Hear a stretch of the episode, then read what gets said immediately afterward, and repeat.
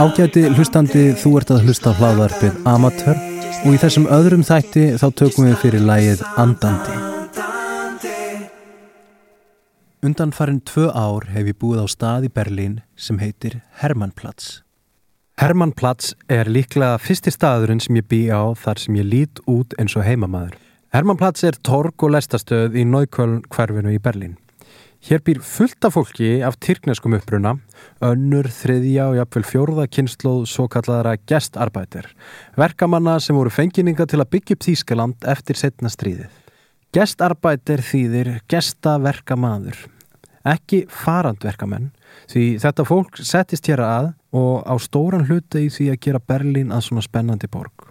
En sem sagt, gestaverkamenn byrjaði á komingað eftir stríðið. Þegar múrin kom upp og vestur Berlin læstist inni í austu Þýskalandi þá vantaði vestur þjóðverjunum hérna ennþá fleiri verkamenn. Og hvita fólkið kom þessum verkamönnum öllum fyrir í hverfunum við Berlinamúrin. Tyrknesku hverfin urðu mannlegir skildir gegn kjarnorkuvánu úr austri. Þannig að maður skoðar loftmynd af borginni og verður hana fyrir sér sem klukku þá byrjaði Berlinamúrin í norðvestri, cirka klukkan 11 og fór svo þvert yfir borginna og endaði í suð-austurhóttinu klukkan 17.00. Öll þessi hverfi sem líkja meðfram múrnum vestanmegin, Wedding, Moabit, Kreuzberg, Neukölln, öll þessi hverfi eru Tyrknask hverfi. Þannig að þegar borgin saminast aftur 1990 þá er það innflytjandakverfin sem standa eftir í miðri borginni en ekki í útkverfum eins og þekkist í öðrum stórborgum, New York, Paris og London og meira segja breyðholt er dæmum slíkt hverfi. Áhrifin sem þessi ótrúlega saga hefur á borginna eru margvísleg. Verðulagi í borginni hefur almennt haldist frekar lágt, það er kannski það fyrsta sem Íslandingar taka eftir, en það sem hefur enþá meiri áhrif eru hvað allt þetta brúna fólk bólstrar höggið fyrir aðra innflytjendur sem ákvaða flytjingað síðar. Hvítu útlendingarnir hérna kalla sig ekki innflytjendur heldur expata. Að mínu viti, og þetta er eitthvað sem ég hef mjög mikið spáði í, þá eiga hvítu útlendingarnir brúna fólkinu hérna mikið að þakka. Kurtíska amman á hæðinni fyrir neðan okkur veit allt um það hvernig er að standa á eigin fótum í nýju landi með lítið batn og getur því betur sett sér í okkar spór þegar við flytjum inn í húsið fyrir ekkar en þíski nágræniðin sem hefur aldrei farið til útlanda og hvað þá ungu djamþyrstu og ballausu breytarnir í næsta stegagangi. Af öllu þessu fólki þá er kurtíska amman sá nágræni sem við áttum mest sameigilegt með. Þetta hlýlega viðmót í þessum tyrknesku hverfum þvert í gegnum borgina hjálpaði sérstaklega til hérna í Nájköl þegar hluta flótamannaströminum frá Sýrlandi settist hérna fyrir nokkrum árum.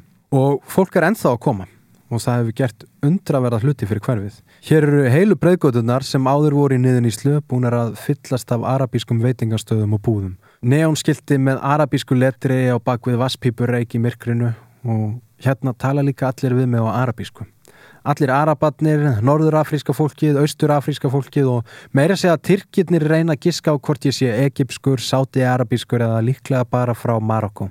Þetta er í fyrsta sinn á æfuminni þar sem ég bý einhver staðar og ég stend ekki beint út. Meira að segja að leikskóla þýskal mín, hún sleppur hérna. Tyrkirnir eru bæði með aðgengilegri reym og reyna heldur ekkert að flækja málsitt þegar þau eru að tala við okkur fjölskylduna.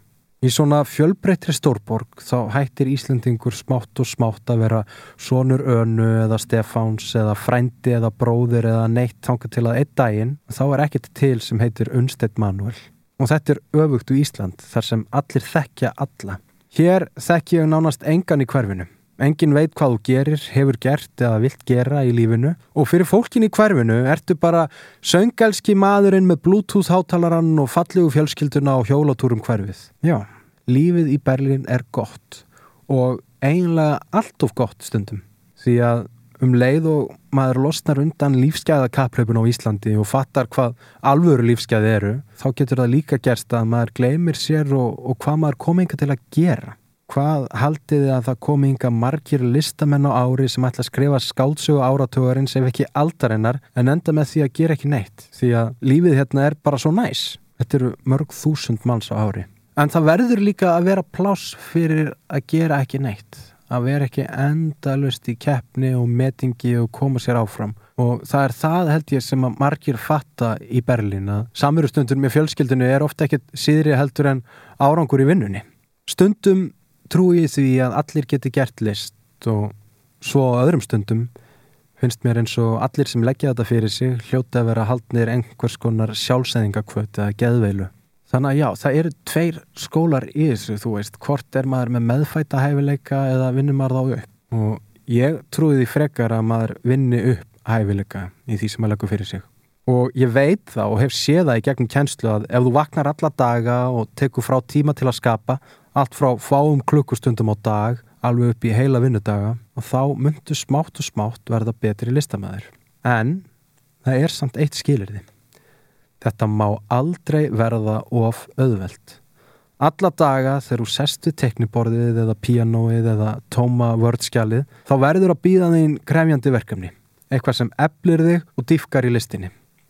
Og trúið mér, það er alveg hægt að æfa sig á rángan hátt. Að vera að æfa of auðveldlu, eitthvað sem er einmitt ekki krefjandi. Þannig að já, allir geta verið skapandi. Ég trúi því. En shit hvað er oft erfitt. Og ég skil alltaf betur og betur fólk sem segir skilu við tónlist og fer og fær sér innan gæsa lappa hefðbundna vinnu. Það eru fullt af dæmum um það eftir COVID-færaldurinn. Af hverju að pína sig áfram kvöld eftir kvöld og helg eftir helgi og vera heppin að standa eftir með launaseðil á við einn mánuð á listamannalaunum eftir alla þessa vinnu. Meðal laun á Íslandi, þar að segja heldarlaun, eru tæp 800.000 mánuði.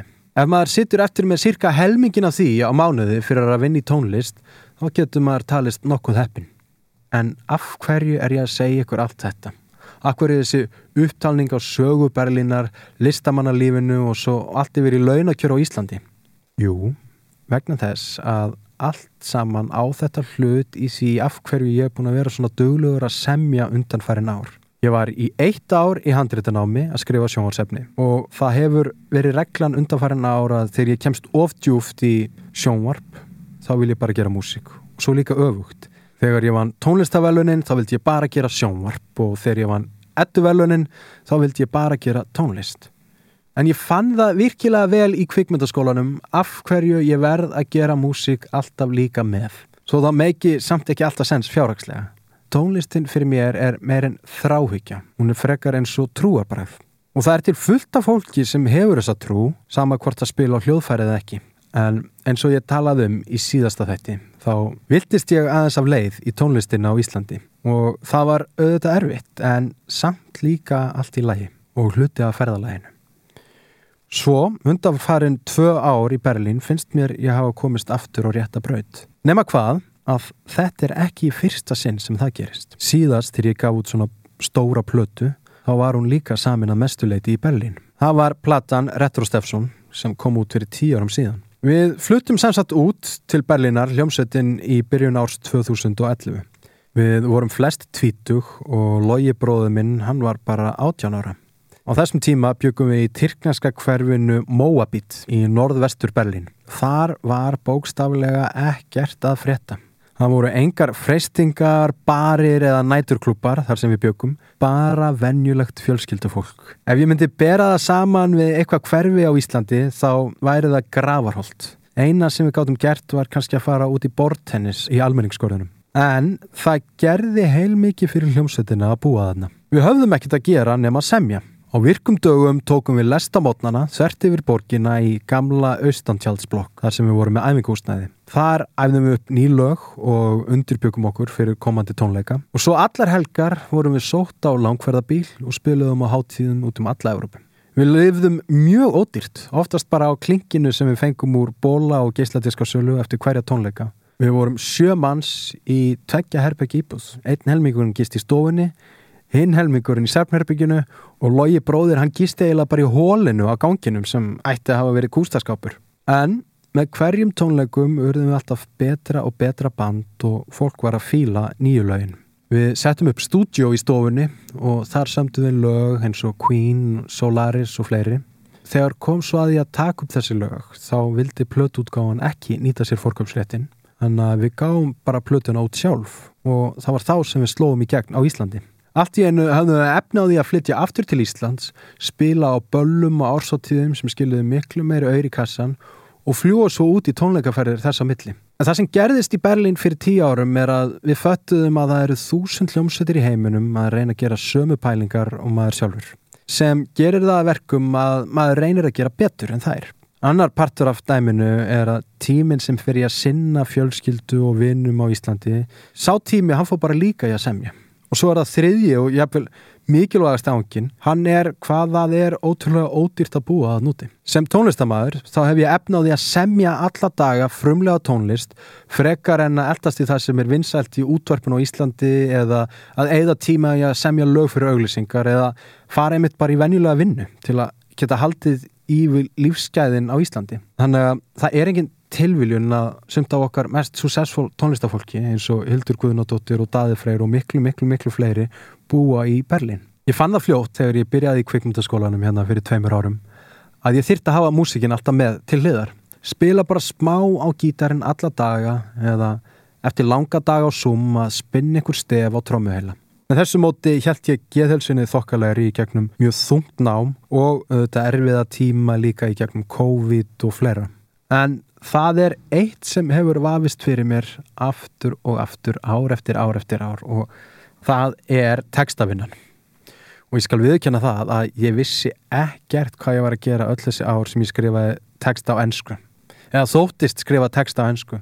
Þannig að þegar ég skipti yfir í íslensku fyrir nokkrum árum þá opnaðist þessi heimur fyrir mér en þetta var líka miklu erfiðari yðja fyrir vikið. Ég fannst bara miklu skemmtilegra að skrifa á íslensku og miklu meira gefandið þegar það tekst upp. En eins og ég segi, þá er ekki þar með sagt að það takist alltaf upp. Og nú langar mig að segja ykkur frá læginu Andandi. Hér er fyrsta því og þá hétta Psychodandi demóið. Þetta er síðan í september 2020.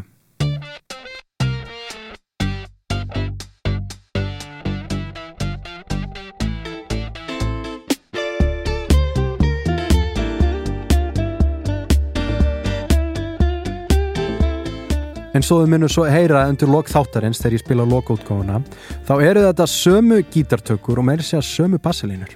Ég samt þetta lag á örskömmum tíma og mér langar að segja ykkur frá því hvernig sumlög þetta er svona ótrúlega hratt því að þó að lagið sjálf gerist hratt þá er þetta frekar tímafrek aðferð. Þegar ég gef mér tíma til að semja, segjum til dæmis að nú ætlum ég að semja tónlist í heila vikum, þá verði ég í raun og veru að byrja í vikun og undan, að hitu upp, þannig að ég set mér fyrir æfingar. Á mánudeginum ætla ég að semja dubsteplag. Á þriði daginum ger ég eitthvað indie rock og flamenco á miðugudeginum og svo framvegs og svo framvegs. Ég sem alla fyrir vikuna eins og ég sé að leysa krosskátur. Lang oftast eru þessi lög algjört drastl en það sem þau gera fyrir heilan er að þau slökkva þess á púkanum sem býr innra með okkur, slökkva á sjálfskakrinninni. Hitt sem þessi lög gera er að ég næ upp vöðvaminninu á tónsmíðaforritinu. Þannig að þegar vika tvö gengur í garð og ég byrja að semja fyrir alvöru þá vefst ekkert fyrir mér. Ekki taugarnar í fingrunum og heldur ekki rattirnar í höstum. Og það sem er ekki síst mikilvægt er að í, í setni vikunni þá forðast ég að hugsa um stefnur og stíla. Ég sem bara algjörlega frjálst. Littla lendamálið í þessu öllu er að ég trúi því að listaverk sé eins og stjórnur á heimni. Ég er ekki að fara að finna upp á þessari stjórnu en ég get samt reynda að reynsa hugan nægilega mikið með þessum æfingum til þess að opna hugan það mikið að ég geti krekt í þessa stjórnu og ripa verkinu niður á blað og þannig held ég að hugmyndir virki en svo sérst bæðið með sögu ljósaperunar og símans að stundum krektu fleiri en einn uppfinningamæður í sömu stjórn á sama tíma án þess að vita hvora af öðrum. En þessi stjarnar sem ég krekti fyrir andandi vikun eftir að hafa samið fullt af lélögum lögum Þessi stjarnar, hún gaf mér fullbúið gítarstef og bassalínu en allir söngur sem ég reyndi, hann vafðist bara fyrir læginu. Allar sönglínur sem ég datt í hug dróðu ský fyrir tilfinningunni sem ég langaði að koma til skila. Og þá lendi ég á vegg. En ég held að sé ótrúlega mikilvægt í þessu skapandi ferli að vera með lausnir. Að hugsa í lausnum, að vera ekki að spá í vandamálum alltaf. Þannig að þegar ég lendi á vegg, þá brá ég á það ráð að kíkja í samlbonga minn. Sömpl eru alls konar stef sem tölvu tónlistafólk geymir í möppum á harðadrifinu sínu. Þau geta verið allt frá einstaka trommuslögum yfir í nokkra sekundur af heitli hljómsveit að spila hljómagang. Hip-hop tónlist er í grunninn byggð á svona stefum og ég á heilu möppurnar af söngstefum. Þannig að ég prófa að máta nokkur stef við taktin. Og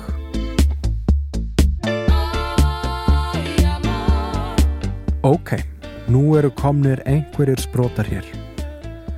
Vandamálið með söng og söngværa er að stundum festist maður í sömu hendingunum. Það er dett inn í vöðvaminnið og þá er hætta á að maður endur takki sig. Ef þið pæli í þá hafa sömur söngværar, þetta er ekki beint kækir, þetta eru svona meira hendingar sem maður leitar alltaf til og er þá kannski ekki alveg frjálsum spuna en maður heldur að maður sé kannski að fylla upp í eitthvað tóm. Þess vegna finnst mér þetta mjög góð aðferð að nota sömplinn til þess að kveikja neista nýri sönglinu. Nefna hvað að svo fór lægið upp í hillum. Fyrst reyndar tók Hermi Gervill eitt snúning á því í millitíðinni og við hröðuðum læginu upp í svo kallaðan ballhraða. Á góðu balli þá eiga margar hljómsættir það til að taka lögin aðeins hraðar. Við ákvaðum að hraða læginu strax á upptökustígi upp í þann hraða.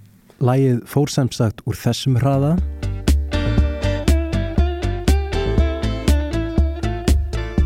yfir í þennan hraða og líka í nýja tóntegund.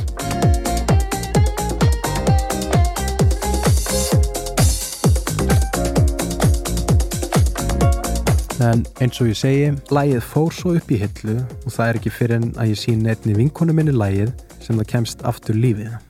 Þessi vinkona mín heitir Ástís Marja Viðarsdóttir, hún er söngkona í Berlín og hún tók okkur fjölskyldinu opnum örmum þegar við fluttum í borgin á sínum tíma og, og bauð okkur bara velkomin í sinnvinn og hóp og hjálpa okkur heilmikið að finna íbúð. Ástís er hörkusöngkona og hún vinnur við það alla daga að semja lög sem eiga að slá í gegn. Allt fyrsta árið í Berlin, þá var ég bara upptökinn í skólanum og við hittumst aldrei til að músísera. Þá heyrði ég eiginlega bara í henni í gegnum veggin þar sem ég var að vinna í stúdioherbygginu og konan mín held upp á saumaklúpin í stofu. Þegar Ástís hófi bröst sína, þá veltust hinn að stelpunar um á hlátri. En Ástís er líka mjög næm og það er ekki síst það sem gerir hana mjög góðri söngkonu og lagahöfundi. Það má nefnilega stundum líka poplagasmíðum við einhvers konar þerapíum. Í þessum heimi hlúa góðir lagahöfundar að forsöngvaranum og koma sínans til skila og þegar ég síndi ástísið þetta lag, andandi, þá spurði hún mig aftur og aftur um það hvað ég væri að reyna að segja með þessu lagi. Hva, hvað er það sem þú myndi vilja fá þessu lagi? Ég vil að þú ættir að hugsa svona mikið og bara njótir þín, finnst þið. Njótir þess þegar fólk horfir að þig og dansar þegar þetta syngja bara fara út úr hausnum. Og að reyna að tannina þetta í söng. þarf ekki alltaf að vera svona magnító skilju að reyna að tannina þetta í söng. Einmitt já. Söngurinn og textinn í þessu einfaldalagi var búin að vefjast svo lengi fyrir mér að þegar Hermi Gervill kom svo aftur til Berlínar árið síðar var hann alveg að fara að gefast upp á öllu ferlinu og hvað ég var að draga textavinnuna. Þanga til að eitt kvöldið þá fer Ágústa, konan mín, út í drikk með sveinbitni, Hermi Gervli og ég fer fyrir heim með strákin okkar. Síður um nóttina vakna ég við mikið læti og áttum á því að þau eru að koma heim eftir djammið. Það eru svílík lætið þeim og braml en ég kipi mér svo sem ekkert upp við það því að það getur oft verið fjör í þessari borg. Nefna hvað, allt í hennu ranka ég við mér að kona mín stendur ofan á hjólarúminu og hún er að tegja sig í dínu ofan á fataskápnum. Ágústa, hvað ert það að gera? Uss, farð að sofa. Við erum með næturgest, segir Ágústa. Býtu, ha, hvað ert það að tala um? segir ég. Það er komið enga ljóðskáld sem ætlar að hjálpa ykkur með textana. En ótrúlega furðulegt, hugsaði ég með mér. Samt ekki það furðulegasta sem ég hef séð frá þessu fólki. Þannig að ég fer í háttin og er bara nokkuð spendur fyrir því sem morgundagurinn ber í skauti sér. Morgunin eftir vakna ég og kíkja fram á gang. Ég heyri kvíslaða. Unnstedt. Það er Hermigervill sem kallar. Hann er að gista í sveppsofa í stúdjóherbygginu. Heyrðu hérna, ég veit ekki alveg hvað kom yfir okkur í gæri en við hittum sem sagt eina íslenska stelpu sem heitir Stefania og við sannfarðumstum að hún ætti að koma og hjálpa okkur með textana. Hún er sko ljóðskáld. En nú þegar ég lítið baka þá hefðu kannski átt að spurja þig fyrst. Kannski var þetta bara briljant hugmynd eftir nokkra koktila.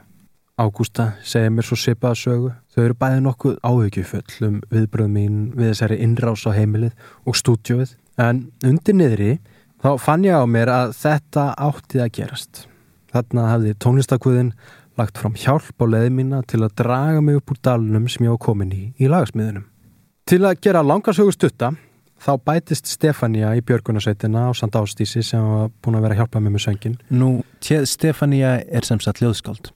Hún heitir Stefania Pálsdóttir og kallar sig Stefania Dóttir Páls. Hún er bæði mentið í reyðlist en er líka núna í námi í tónsmiðum í listaháskólanum sem hjálpar ekkert síður við okkar verkefni. Stefania endar á að vera hjá okkur í tvo daga og við náum að klára nokkur lög, meðal annars andandi. Stefania hjálpaði mér að svara spurningunum sem Ástís hafði lagt fyrir mig þegar hún spurði hvað ég var að reyna að segja með læginu. Og munið í síðasta þætti þegar ég sagði ykkur að ég væri aðeins of góður í að hugsa og að það hamlaði mér oft frá því að gera. Ástís náða að koma því nokkuð vel í orð og takkið hérna eftir, ég ætla að gefa ykkur insýnin í hausin á alvöru laguhöfundi. Hlustiði hvernig stefið verður til í höfðun á henni. Að hvernig er þið að leita?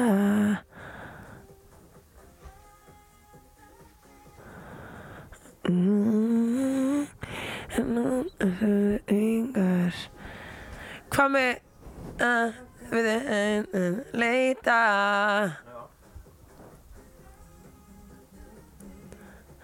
Gengur inn með svörin en út með spurningar Gengur inn með svörin en út með spurningar. Kemur, kemur inn með svörin en út með spurningar. Eitthvað?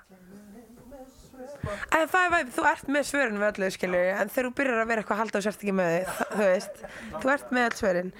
Yey, ok, oh! Og svo heyrim við hérna hvernig þetta hljómar í loka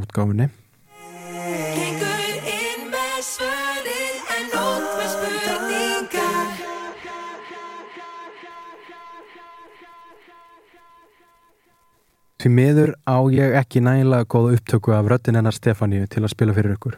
Við Ástís vorum bara alltof hávær í, í stúdíónu en hér er smá bútur þar sem heyrist í henni í bakgrunni samþykja setninguna af hverju ert að leita. Af hverju ert að leita á betur við í þessu lagi því það vísar í heildar textapælinguna. Já. Að hverju ert að leita? Já, hvað er þetta að leita?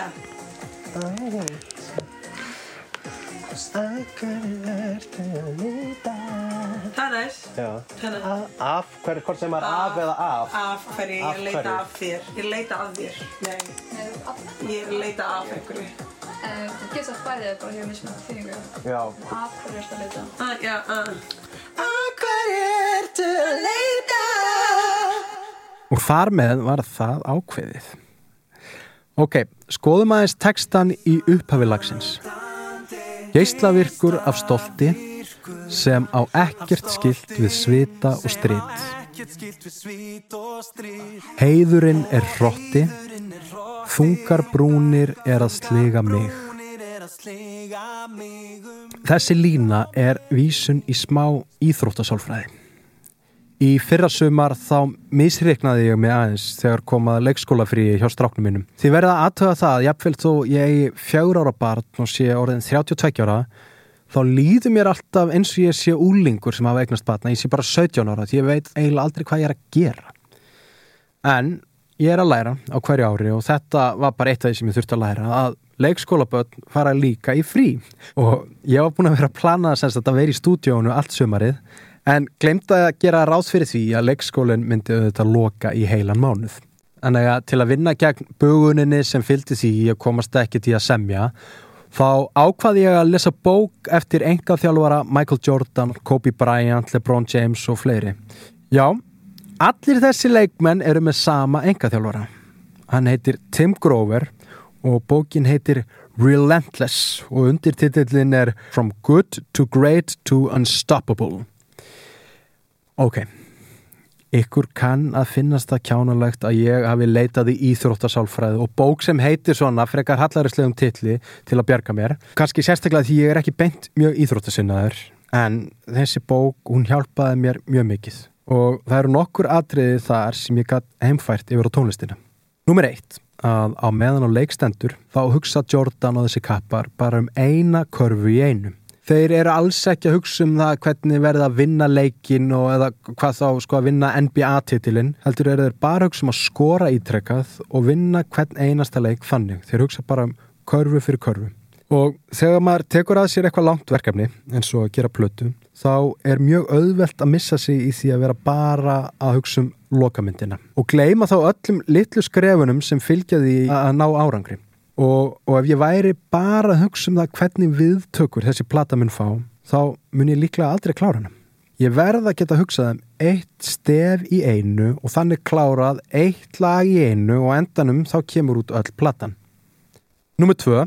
Í bókinni þá talar Gróver mikið um sónið þegar allar hugsanir hverfa og þú skorar einmitt körfu eftir körfu eins og ekkert sé. Í jákvæðri sálfræði þá er notað hugtaki flow þegar þú ert ekki að hugsa heldur bara að gera. Og mín þjálfun sem listamæður snýst að miklu leiti um að komast á þannan stað. Og þess vegna notast ég mikið við þessar tekniæfingar sem ég talaði um fyrir þættinum, en líka spuna. Og ég ætla að reynda aðeins að tala um það í næsta þætti, hvernig ég notast við spuna sem hugleiðslaðferð og kemst þannig í flow. Og þetta zone eða flow þetta er hæstastig einbyttingar það er ótrúlegu ró í þessu ástandi. Ef þið kannist við myndina hérna Free Solo um klettaklifraran sem er svo einbyttur að fara upp hérna 500 metra á þess að vera í bandi. Þá var þetta hluta því fyrir hann að komast inn í þetta zone. Hann leta engan vita hvernig hann var að fara að klifra. Hann er tökumenninni þeir byggðu bara staðnum. Hann leta ekki fjölskyldun að vita því hann vildi ekki hafa þeirra áhyggjur að trubla sónið eða flóið, hann gæti ekki haft þær hugsanir. Og því að hann myndi fara að hugsa um það í miðjustökki þá hefði hann dottið niður nokkur hundur metra og látið lífið. Þannig að það er mikil ró í þessu ástandi en ekki endilega alltaf kvild, skiljið, bara ró og yfirvegun. Og í íþróttum þá er allavega hægt að mæla árangur, skiljið, og mælanlegi árangur en það eru stein. En fyrir mína parta í listinni þá er mælanlegur árangur þegar ég næ að krækja í stjörnum. Þegar ég næ í frumlega hugmynd út úr kosmósnum. Og púkin, gaggrinnisröttin í haustum á mér, hann hverfur um stund. Í minni listköpun, í minni eðju, þá er það mjög góður árangur. Því að púkin, hann er nefnilega mjög íhaldsamur. Hann vill ekki að þú gerir neitt frumlegt. Hann reynir að beina þér aftur og aftur á örgar og veltróðnar slóðir.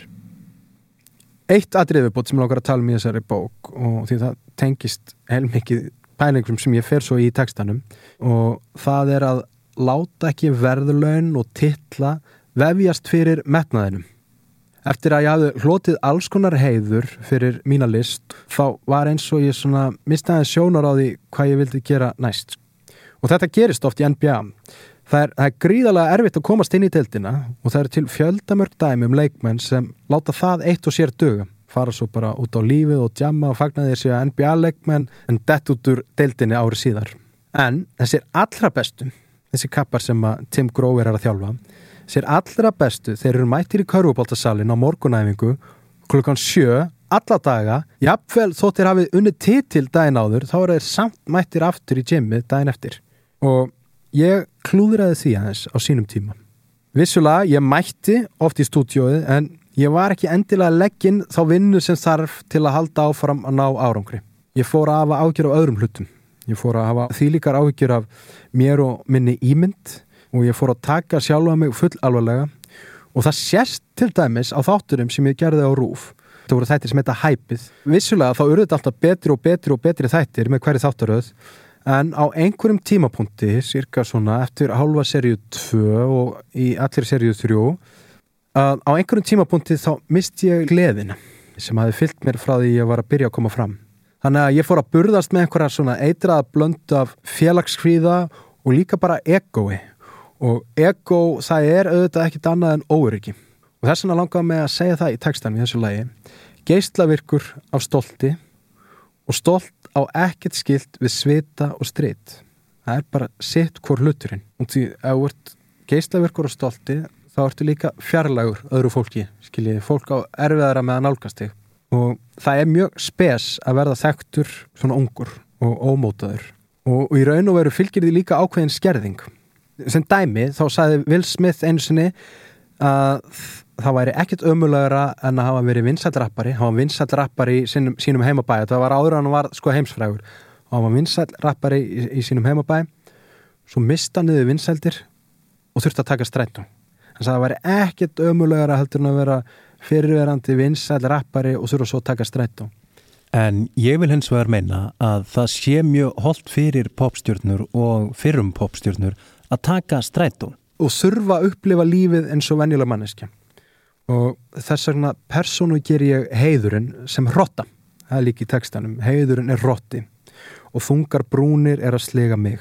Það er engin leið til að lifa að þurfa að burðast með stolt alla daga og sífælt vera spáðið í hvað öðrum finnst og það sem verra er er að þessar eitruðu hugsanir þær skikja á trúna þær skikja á tónlistina og ég veit um svo mjög mörg dæmi um tónlistafólk sem verður bara biturt með aldrinum finnst allt hafa verið betra í gamla daga og að þau eigi einhverja heimtun á virðing út frá fordri fræð en ef ég ætla að gera tónlist þáka til í degi þá verði ég markvist að vinna gegn egoinu. Henda stittunum og platinuplutunum og munað tónlist er eitthvað sem ég ætla að rannsaka á meðan ég er andandi. Ég þurfti að flytja á Hermannplats til að minna mig á þetta. Ég þurfti að flytja á hanga til að falla inn, til að gleima mér og muna bara að anda, elska og semja. Lífið snýst ekki um neitt annað. Takk fyrir að hlusta og gjöru þið svo vel. Hér er lægið Andandi.